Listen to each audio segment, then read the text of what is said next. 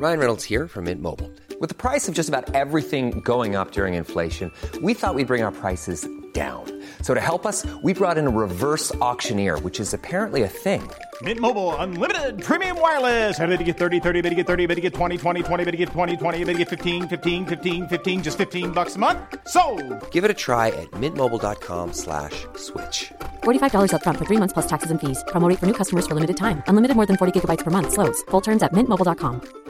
Ready to pop the question? The jewelers at BlueNile.com have got sparkle down to a science with beautiful lab grown diamonds worthy of your most brilliant moments. Their lab grown diamonds are independently graded and guaranteed identical to natural diamonds, and they're ready to ship to your door. Go to BlueNile.com and use promo code LISTEN to get $50 off your purchase of $500 or more. That's code LISTEN at BlueNile.com for $50 off. BlueNile.com code LISTEN. Da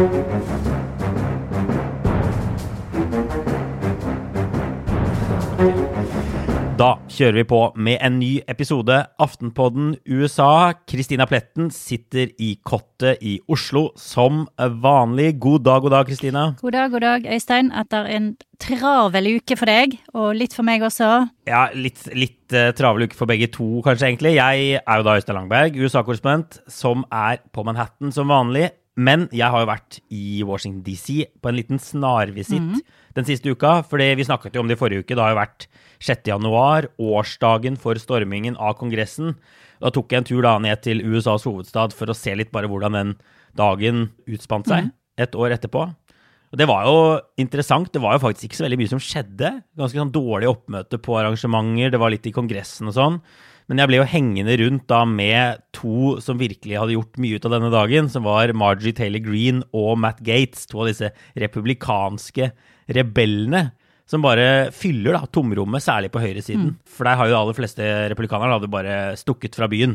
De vil ikke ha noe med 6. januar å gjøre, de vil ikke forsvare det, de vil ikke undersøke det, granske det. De vil bare egentlig la det forbigå i stillhet, tror jeg. Du fikk jo til og med snakke litt med, med disse her rebellene og laget en Ja. sak eh, om det, så det var jo kjempebra da. Men det var jo litt rart, syns jeg, at ingen verken senatorer eller kongressmedlemmer, eh, ja, bortsett fra med et par hederlige unntak, stilte opp en gang. Nei. Var ikke det litt underlig? Jo. Var det reaksjoner mot det i USA?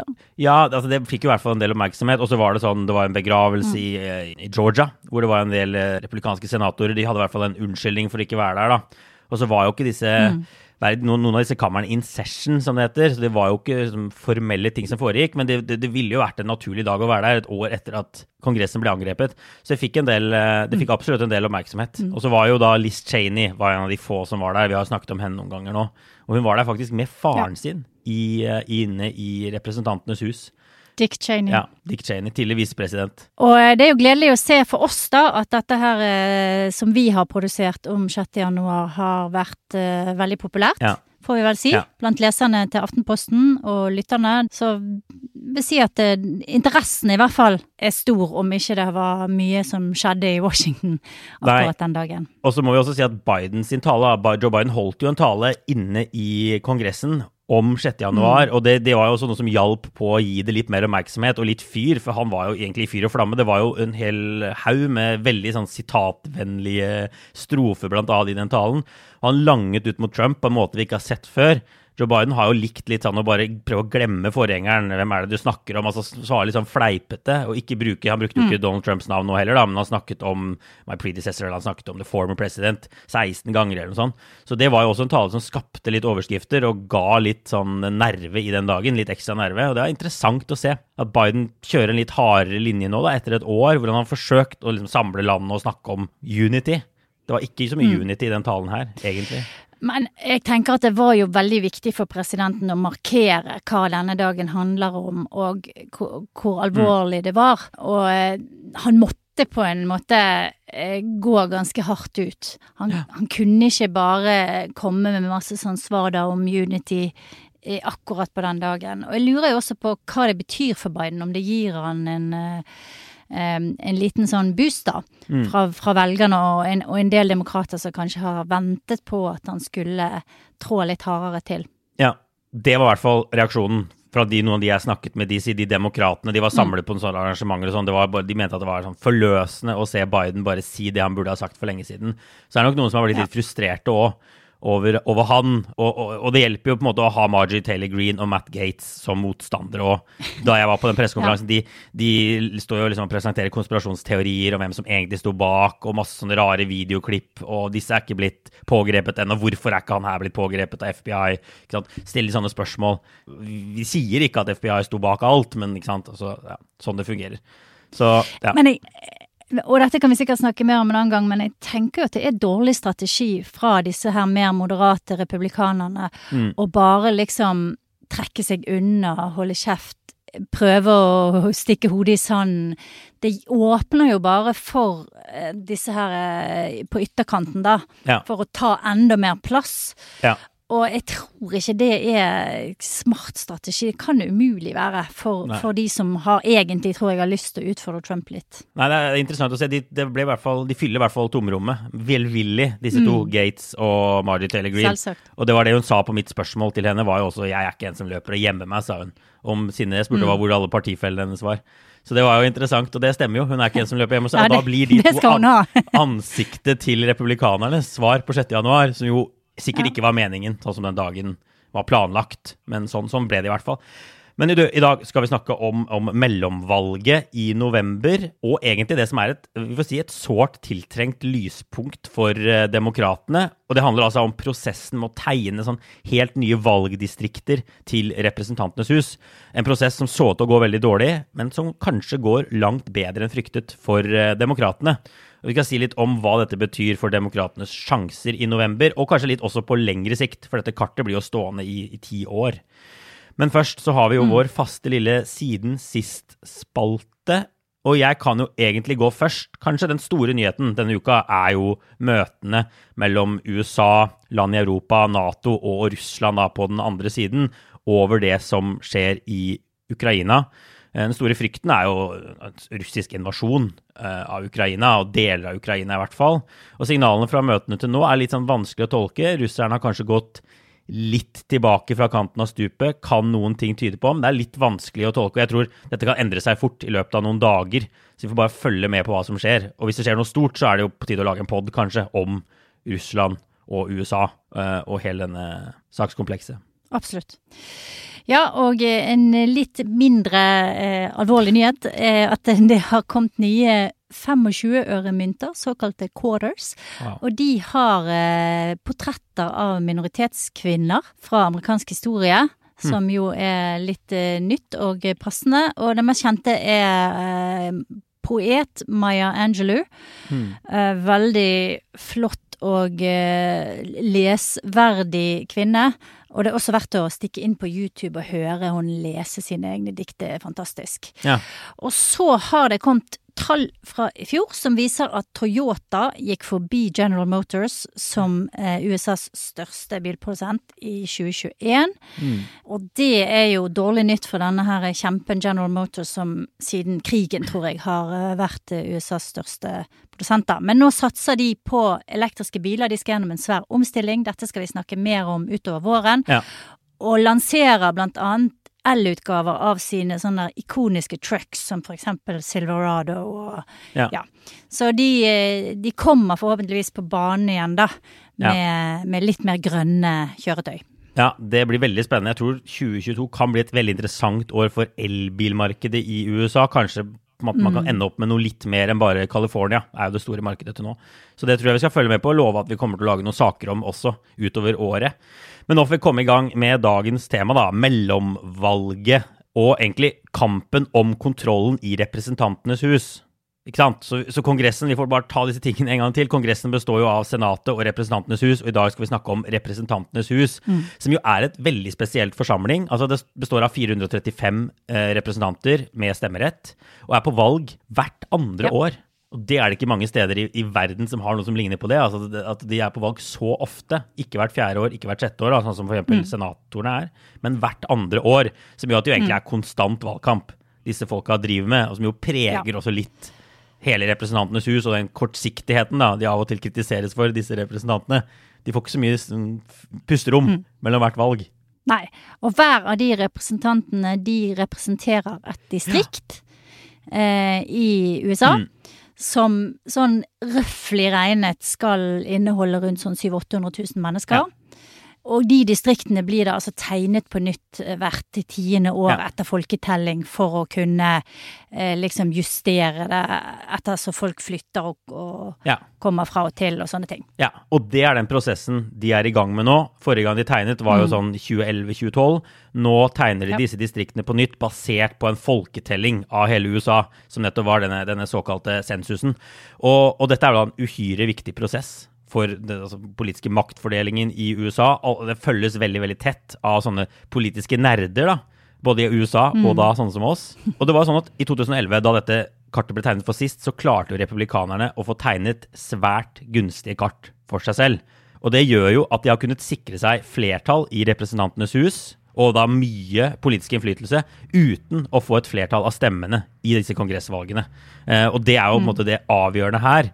Eh, så det har vært sånn det siste tiåret at demokratene må vinne med ganske romslig margin for å få flertall. Så vi har et par eksempler på det. da. Barack Obama ble jo gjenvalgt som president i 2012, og da vant også demokratene De fikk flest stemmer i dette kongressvalget, altså til Representantenes hus. De fikk 1,1 prosentpoeng flere stemmer enn republikanerne til Representantenes hus. Men likevel så sikret republikanerne seg flertallet med ganske sånn solid margin, som jo gjorde det veldig vanskelig for Obama å få noe særlig ut av den andre perioden sin i det hele tatt.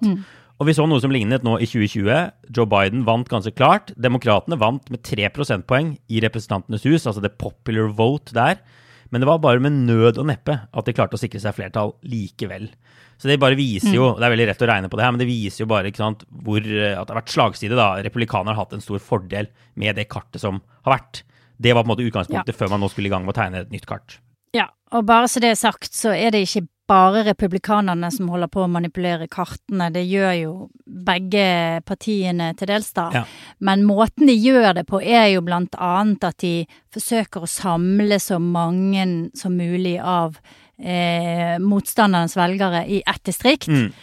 Og så, og så deler de eh, sine egne velgere opp i så mange distrikt som mulig. Ja. For, for å det, det er litt komplisert å forstå dette her, Ja. men eh, Vi, men vi, kan, eh, vi kan gå litt tilbake på liksom akkurat, akkurat hvordan de gjør det og sånn, men altså utgangspunktet Ja. da, i hvert fall før, før året var jo at republikanerne hadde en ganske stor fordel, og så trodde jo folk at republikanernes fordel skulle bli enda større. Annet fordi republikanerne har makten over mange flere sånne tegneprosesser enn demokratene hadde hatt. Så frykten var jo at, at f.eks. Eh, for demokratene, med et helt likt resultat som i 2020, som jo egentlig var et ganske godt resultat, så ville det, det holdt til flertall eh, nå, men det vil ikke holde til flertall i 2022, bare pga. omtegning av kartet. Det var det en del eksperter som spådde på forhånd. Så rett og slett at republikanernes fordel ville bli enda større, enda mer skjevt. Og så nå har jo en del av disse kartene blitt ferdig, vi ser konturene av en del av de uferdige kartene og sånn, så, så, så konklusjonen er jo bare at dette har ikke skjedd. Disse dommedagsprofetiene har egentlig ikke slått til i det hele tatt. Og faktisk så ser den republikanske fordelen ut til å bli mindre enn den har vært. Og på en skikkelig god dag så kan det til og med gi demokratene en ørliten fordel, altså de nye kartene. At demokratene ikke trenger å vinne. Republikanerne må vinne kanskje med en prosentpoeng eller noe sånt, da for å sikre seg flertall. Det skal mye til, tror jeg. Det er det veldig få som spår.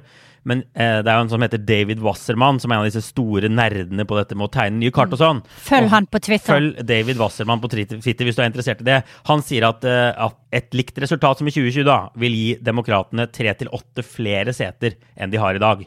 Så de vil altså gjøre det litt bedre med tilsvarende resultat. Som rett og slett bare er et, et skikkelig lysglimt for, eh, for demokratene i en tid hvor de negative nyhetene har stått i kø og stått i kø, og det var spådd egentlig hele denne kartprosessen ville bli en skikkelig katastrofe for dem. Og det har jo skjedd eh, i tidligere omganger at eh, f.eks. en kongressmann eller -kvinne rett og slett har mistet distriktet sitt Ja. i disse her omtegningene, ikke sant. Fordi at det, det, det de er blitt, den gjengen som valgte de inn, plutselig er splittet på tre forskjellige distrikter og sånn. Ja. Og ett tegn på at demokratene har vært litt i tvil om hvor dette her ville bære hen, er jo at mange av de har sagt at de ikke vil stille til gjenvalg i år. Jeg tror det er over 20 demokratiske kongressmenn og -kvinner som, som eh, har kunngjort at de vil eh, droppe ut, da. Ja. Og det er Så jo eh, får vi jo se om det kan snu nå når det ser litt lysere ut for de på både den ene og den andre måten. Ja. Så, så dette har vært en, en, rett og slett en liten opptur for demokratene, som vi egentlig først begynner å se konturene av nå. Så kan det selvfølgelig endre seg, men, eh, men mye bedre enn først fryktet.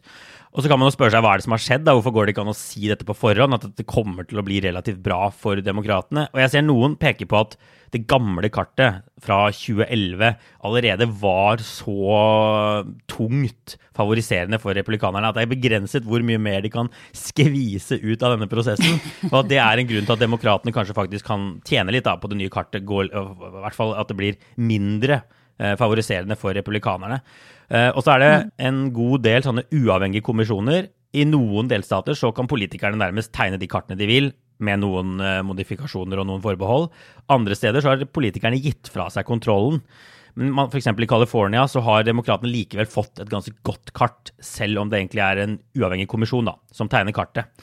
Og så var det det du sa da, det siste punktet på hvorfor dette har gått litt bedre for demokratene, er at demokratene rett og slett har vært eh, ganske tøffe i klypa denne gangen, de òg, og tegna, og gerrymandra, da, som det heter, tegnet sånne merkelige distrikter i de områdene hvor de selv har kontrollen, eh, og kanskje gått lenger på det, da. Enn de, har gjort, mm. enn de har gjort før, og vært rett og slett like kompromissløse som republikanerne har vært. Og det er en grunn til at de kanskje kan gjøre det bedre enn forventa. Gerrymandering, som du nevnte, Ja, er jo eh, uttrykket som kallet Ja, og eh, det kommer fra 1812. Ja. Fra guvernøren i Massachusetts, eh, Elbridge Jerry. Og eh, sammenstilt med ordet salamander. Og det Ja. er fra eh, et eh, notorisk sånn manipulert kart, da. Ja. Der eh, en, det var en sånn eh, politisk tegner som, som laget, tegnet en salamander oppe på dette kartet. Et slags salamanderform de- på En slags distriktet. salamander. Ja. Men eh, det som er interessant nå, det er at Og tidligere har liksom Tegnet på gerrymandering har vært at det, disse distriktene ble veldig rare, med litt sånne utstikkere og, Og øyer og kanskje en og klump så her og en sammen. øy Ja, der. Og, ja. ja. Men eh, det nye nå, eh, som en av de store amerikanske avisene melder, er at på grunn av at man har så mye bedre data, så mye bedre teknologi og Mm. kunnskap, eh, så kan du tegne distrikter som egentlig er veldig gerrymandered, Mm. men som ser mer normal ut fordi at du har rett og slett brukt eh, datateknologi og den kunnskapen du har om demografi, da. Til å Mer presist. se på det Så det kan hende at ja, så det kan hende at selv om disse her distriktene nå ser mer normale ut, det ser mer ufarlig ut, Mm. så er de gerrymandered på en ny og enda skumlere måte. Ja. Så jeg tror ikke faren er over. Og så må jeg bare si, eh, Washington Post har laget en skikkelig morsom sånn spill hvor man kan spille minigolf i sånne gerrymandered distrikter. Som Noen av de er jo bare helt firkanta, ikke sant? helt basic, enkle distrikter. Mens andre er så lange og kronglete at du klarer ikke å spille deg gjennom distriktet, da, med, med mindre du bruker seks-sju slag. Jeg kan legge ut en lenke til dette spillet i, eh, i Facebook-gruppa vår. Men det er skikkelig morsomt, og en illustrasjon på hvordan valgdistriktene ser ut. Det er det ultimate dataspillet for eh, USA-nerder. Det er det ultimate dataspillet. Og det man kan spille mot Washington Posts eh, eh, lesere, som allerede har blitt ganske Mm. gode i dette gerrymander eh, minigolfspillet, selvfølgelig, for nå har det vært ute noen døgn, tror jeg. Så folk har eh, ja, spisset formen. Men altså, målet da er det, det ligger i hvert fall ganske mye makt i å tegne disse distriktene. Noen ganger så handler det om å pakke flest mulig av motstanderens velgere inn i ett distrikt, sånn at de på en måte kaster bort stemmene sine. Eh, har, de har allerede flertall, men de ender opp med et distrikt hvor det nesten bare bor demokrater, og så kan de dele opp resten av distriktene og gi de, gi de eh, til republikanerne, da, hvis det er republikanerne som sitter med makten. Andre ganger, du var inne på det tidligere, så handler det f.eks. om å ta en sånn halvstor by, og så, og så lager du sånne striper langt ut i periferien, tvers gjennom byen, og så sørger du for å få med deg nok rurale republikanere til at det distriktet blir republikansk, selv om du da skjærer rett gjennom en, en demokratisk by. Så det er masse muligheter. Og jeg så noen, noen skrive f.eks. at California har 52 seter i, eh, i Representantenes hus. Og det er sånn teknisk mulig å tegne et kart for California hvor demokratene får 50 av 52 seter. Hvis de bare vrir og gerrymanderer da, som bare pokker, eh, så er det mulig. Men det kartet de endte opp med, da, det gir 44 seter til demokratene og 8 til republikanerne. Og konsekvensen av dette her er jo at eh, du skaper et kart som eh, driver polarisering, ikke sant? Fordi at du lager et kart der du på en måte sjalter vekk nyansene. Svekker ikke bare motstanderen, men svekker også f.eks. uavhengige velgere. Ja. Eh, fordi at du passer på at det hele tiden er en overvekt både av dine egne velgere og motstanderens velgere. Ja. Så det er jo faktisk med på å styrke den der polariseringen som allerede er så ødeleggende i USA, da. Så Ja. dette er jo absolutt noe som de burde ta fatt i. En av mange ting når det gjelder disse valgreformene som bør på, bør på plass. Ja. Reformen av det demokratiske systemet. Eh, og det har vel kanskje vært gjort eh, noen steg, i hvert fall enkelte delstater, da. Ja. Som du sa, for å flytte det over til uavhengige styrer og, og liksom ta det ut av hendene på, på eh, grådige politikere. Ja, og det har de gjort med hell noen steder, tatt ut av hendene på politikerne. Men så er det også sånn at eh, på demokratisk side er det jo f.eks. folk som kritiserer demokratene for å eh, liksom gi fra seg våpenet sitt ensidig. uh, avvæpning.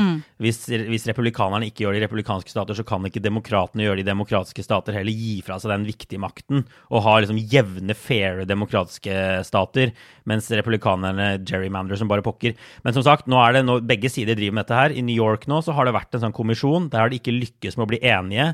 Og nå har demokratene full kontroll i New York State. Det er det første gang på lenge de har. Og nå ser det ut til at de bare de, Noen vil jo kritisere dem for å bevisst ikke bli enige om et sånt ganske sånn fornuftig kart, så at de får kontrollen over prosessen. Så nå vil vi jo nok få et New York hvor det kuttes veldig mange republikanske distrikter. Eh, hvor de ender opp med nesten bare eh, demokratiske distrikter. Det kan fort vekk skje nå, eh, f.eks. Ja, men så er det jo en annen ting, og det er jo i primærvalgene.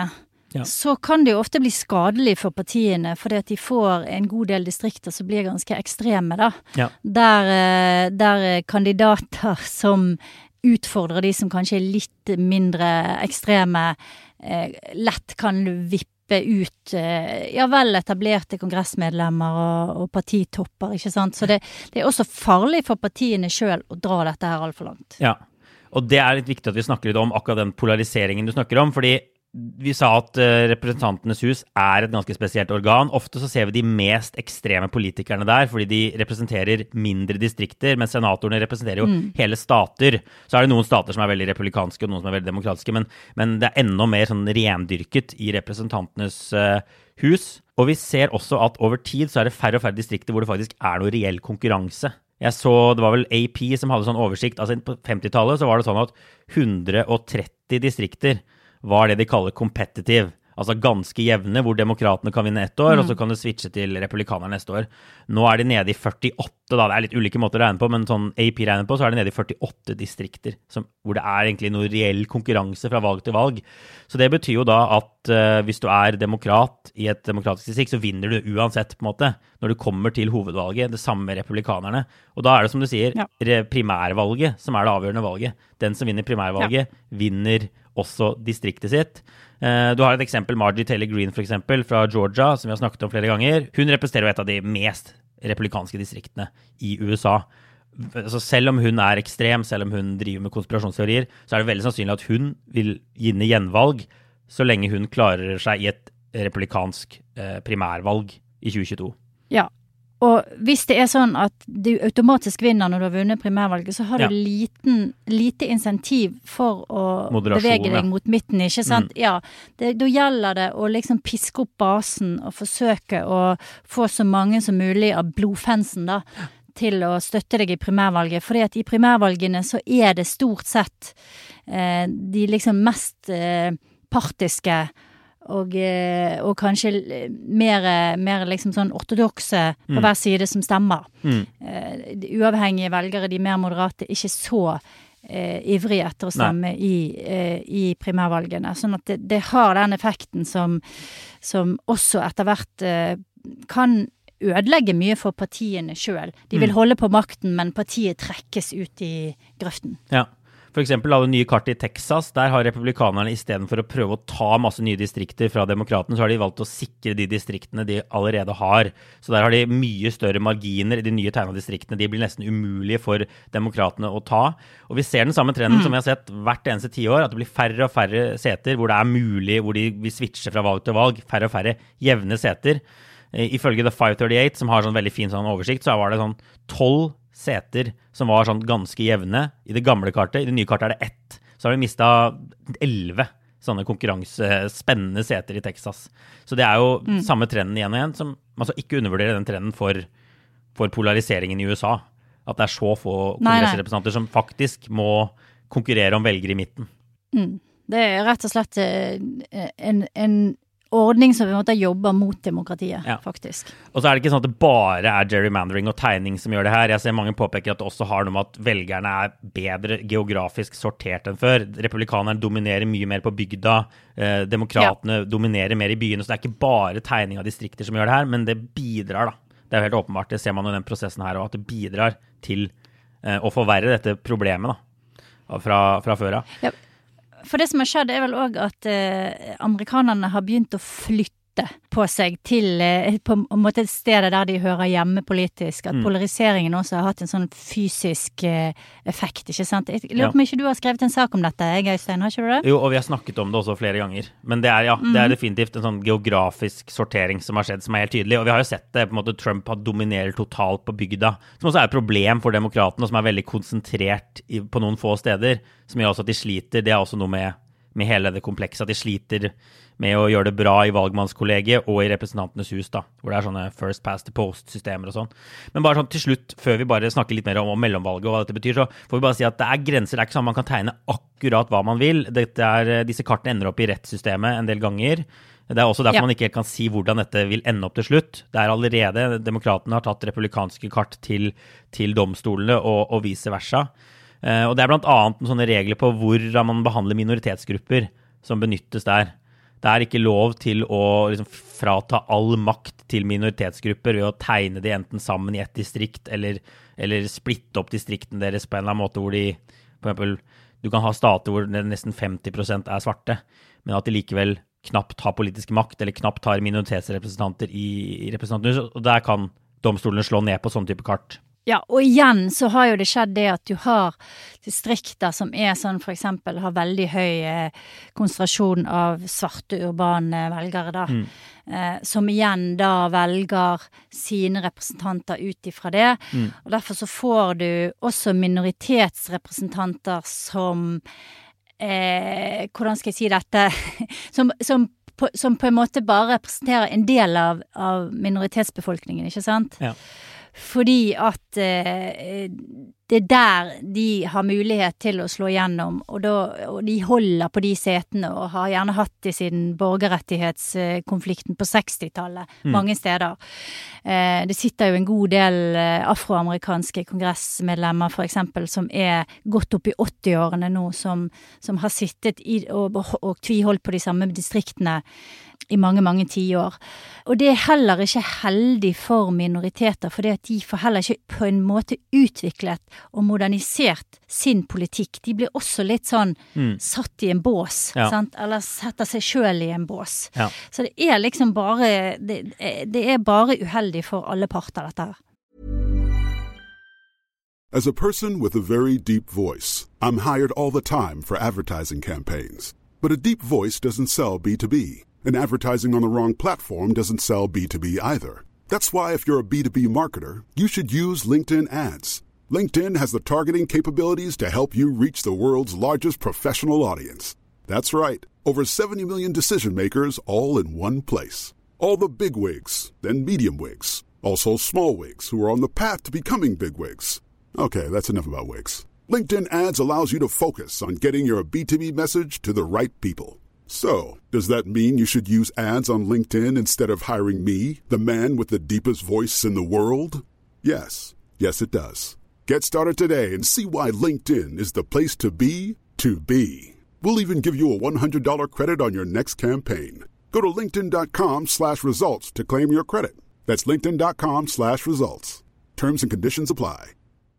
Ready to pop the question? The jewelers at BlueNile.com have got sparkle down to a science with beautiful lab grown diamonds worthy of your most brilliant moments. Their lab grown diamonds are independently graded and guaranteed identical to natural diamonds, and they're ready to ship to your door. Go to BlueNile.com and use promo code LISTEN to get $50 off your purchase of $500 or more. That's code LISTEN at BlueNile.com for $50 off. BlueNile.com code LISTEN. Men altså, et mer gunstig kart for demokratene enn en fryktet for demokratene, i hvert fall. Kanskje et mye mer sånn balansert kart, som gjør at den som får flest stemmer, faktisk får flertall i Representantenes hus. Det ville jo vært kanskje noe man kan håpe på for demokratiet i USA, at det vil bli sånn fremover. Spørsmålet er hva dette betyr i mellomvalget, om dette redder dagen for, eh, for demokratene. Altså, mitt inntrykk er at det kan man ikke, ikke si, fordi altså, de fleste tror fortsatt at demokratene vil miste kontrollen i Representantenes hus i mellomvalget i november, og at de da altså vil miste evnen til å gjennomføre noe særlig. Fordi de da ikke lenger kan vedta lover og sånn, fordi republikanerne kan blokkere det. Um, fordi, fordi at de fleste tror jo ikke at demokratene vil gjøre det like godt som i 2020. De fleste tror at demokratene vil gå kraftig tilbake. Og hvis man ser på f.eks. Joe Bidens oppslutning, så har den stabilisert seg. Den falt jo veldig lenge, nå har den stabilisert seg, vært ganske flat ganske lenge. Man ligger på rundt sånn 43% av amerikanere mener han gjør en god jobb. Eh, 51% er vel snittet hos 538 nå, mener han gjør en dårlig jobb. Som er et dårlig utgangspunkt før mellomvalget. Som er et frempek på at det kan godt hende at republikanerne kommer til å vinne dette med ganske komfortabel margin, og da sikre seg flertallet i Representantenes hus. Ja, og det har jo vært frykten lenge. Og så skal man samtidig legge til at det er ti måneder til dette valget, og ti måneder er en evighet. I amerikansk politikk, i hvert fall. Og spesielt i amerikansk politikk. Og eh, det er, tenker jeg, to ting som eh, i hvert fall sånn seiler opp som det viktigste indikatorene på hvordan dette vil gå. Det ene er infl inflasjon eh, og prisstigning, som vi har snakket om før, og som er utrolig viktig, ikke bare i USA, men i ethvert land, eh, fordi at det påvirker folk så direkte eh, i Altså påvirker folk sin økonomi, privatøkonomi. Og så er det jo covid-19, da, der, eh, der eh, infeksjonene nå går opp. Og det har vel vært en del diskusjon om nedstenging igjen, og folk er drita lei, og det kan igjen føre til en oppblussing av denne her eh, kulturkrigen som har vært rundt tiltak, og så videre. Så jeg tenker at de to tingene er kjempeviktig for hvor, hvor mye suksess demokratene kan klare å trekke ut av det valget der, da. Ja. Og så som en liten sånn dark horse, så har du kanskje også denne her eh, høyesterettsavgjørelsen om abort, som jo kommer i, i juni. Ja.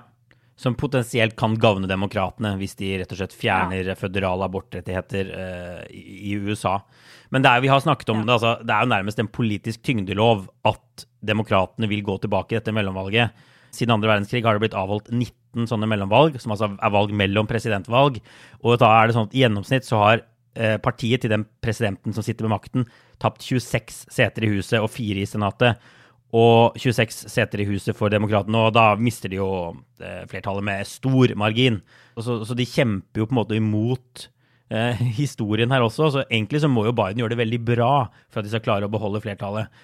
Og det ser det jo ikke ut som han gjør det nå. Så det skal veldig mye som skal gå veien fram mot november før de skal ha noen som helst sjanse egentlig til å beholde dette flertallet, tror jeg. Jeg er helt enig. Eh, Covid og det er jo på en måte ikke bare, måte ikke bare nedstengninger, frykten for nedstengning. Nå har også USA lempet på disse kravene, og de tåler mye mer smitte i samfunnet nå før det er snakk om nedstengninger. Men det er bare så mye avbrytelser, det er så mye forstyrrelser rundt omkring. Det er så mye ting som er stengt, restauranter som er stengt, fly som kanselleres. Får ikke tak i folk på telefonen fordi folk er syke. Skolene har vært litt sånn stengt rundt omkring igjen noen dager av gangen. Så jeg tror folk bare er irritert over samfunnet bare fungerer ikke, da. Og den inflasjonen bidrar jo bare til den følelsen at ting ikke er under kontroll. Det er ikke stabilt nok. Så jeg tror også den delen av covid, ikke den nødvendigvis helsedelen, men mer den samfunnsforstyrrende delen, er veldig irriterende for folk nå. Ja. Så, for folk bare går Og irriterer rundt og kan det jo seg. komme Ja. og så kan det jo komme uventede ting, som det jo gjorde i, i 2020, da, som George Floyd eh, og, og de påfølgende opptøyene eh, som vi så uttrekningen Afghanistan i, i fjor høst. Så det kan jo eh, skje sånne ting, og gjør, kommer helt sikkert til å gjøre det, som Ja. også vil da eh, påvirke velgerne i større eller mindre grad. Ja. Ja. Og så er det jo det som til, En av grunnene til at dette her er så viktig, det er flere grunner, men det er én spesiell grunn til at dette er så viktig for Joe Biden. Det er jo det at han trenger flertall i Kongressen for å få gjennomført sin agenda. Hvis ikke presidenten har flertall egentlig sånn som det er nå, i både Senatet og i Representantenes hus, så klarer de ikke å få lover vedtatt. Nei. Fordi at de er så polarisert. Det er ingen republikanere som vil stemme for nesten noe som, eh, som en demokratisk eh, president kommer med. ikke sant? Det vil bli problemer hvis de må utnevne dommere eller nye ministre, ambassadører. Alle sånne ting blir vanskeligere. Så de har et vindu, vindu nå frem mot sommeren og tidlig høst, der de kan få ting gjort. Og hvis de ser at dette her eh, går dårlig frem mot valget, så kan vi nok også komme til å se at Biden vil prøve å pushe hardere på for å få gjort en del ting før Ja. han mister det eh, grepet om Kongressen, da. Helt klart. Helt klart. Jeg tror vi setter strek der. En annen joker da er jo også Donald Trump, og hvor aktiv og synlig han vil være. Han er jo populær i, blant republikanerne, ikke superpopulær blant amerikanere flest, ifølge målingene. Så hvis han begynner å ha ukentlige rallies igjen og, og kjøre på da, med sånn han holdt på under 6. januar og, og si at valget ble stjålet, og se tilbake på gamle dager, så er det sånn som kan hjelpe Biden da med å overbevise velgerne om at dette mellomvalget betyr noe. Her må dere faktisk gå og stemme. Så en siste joker er Donald J. Trump, som alltid. Men eh, la oss ta litt OR til slutt. Jeg vet ikke om du skal snakke mer om Trump der, jeg. Eh, ikke direkte, men kanskje litt indirekte. Jeg har lyst til å snakke litt om amerikansk TV. Ja. Og jeg får eh, ganske ofte mailer og meldinger fra lesere som lurer på hva slags kilder vi bruker, hvor vi, hvor vi leser og hva vi ser på TV når vi henter informasjon om USA, da. Og mange, spesielt mange på høyresiden som er liksom litt sånn i Trump-land, de er veldig sint på CNN. CNN er den store fienden. Ja. Nå skal CNN komme med en sånn strømmetjeneste, CNN pluss. Og der ser det ut som de vil satse mer på liksom nyheter og livsstil enn på eh, å være sånn veldig politisk, da. Og så har du òg en annen kanal på venstresiden, MSNBC, Ja. som egentlig er mer partisk. Ja. Eh, selv om jeg syns jo også CNN er altfor partisk i, eh, i primetime. Amerikansk CNN er det. Til å være liksom en god informasjonskilde. Og her må jeg bare skyte inn at det er forskjell på CNN i USA og CNN International, som vi har her i Norge. Eh, på CNN International så får vi en del amerikanske programmer, men vi får også veldig mye bra journalistikk fra resten av verden som er helt super top notch. Ja. Men det som skjer nå, er at MSNBC har ansatt Simone Sanders, som tidligere var talskvinne for eh, Kamala Harris, og som nå skal ha et nytt show på MSNBC. Så de satser tydeligvis enda mer på å liksom ta eh, det der markedet som er på venstresiden av av Ja. eh, det demokratiske partiet, da, hvis vi kan si det sånn. Fox News går i andre retningen. De har eh, skal lansere et nytt show med en som heter Jesse Waters. Han tar over eh, klokken sju, tror jeg det er, som er rett før Tucker Carlson og Sean Hannity, ikke sant? Han er også en sånn litt sånn trumpete type. Å ta over da den timen som egentlig har vært ganske sånn, i hvert fall før, var en sånn nyhetsshow Ja. og var en sånn bro mellom eh, det som kom på Fox om dagen, som, handl- som var mer sånn hard news, Ja. og de der meningsshowene på kvelden.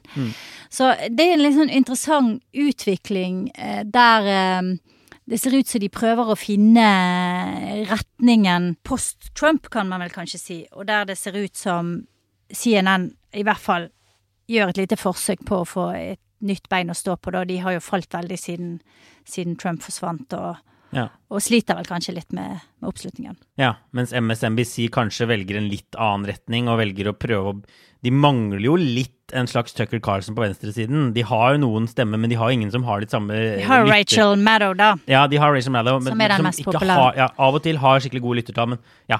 Men de er ikke helt, helt der oppe, da, i hvor mye medieoverskrifter og kontroverser. Nå er ikke det nødvendigvis noe mål heller, selvfølgelig å skape like mye kontroverser som Tucker Carlsen, men, men ja. Det er interessant å se at MSNBC går i den retningen. Det kan godt hende de to kanalene, CNN og MSNBC, er komfortable med at de velger litt forskjellige retninger òg. Eh, men det er kanskje litt for tidlig å si at de gjør det, da. Men vi kan, kan følge litt med på det. Ja.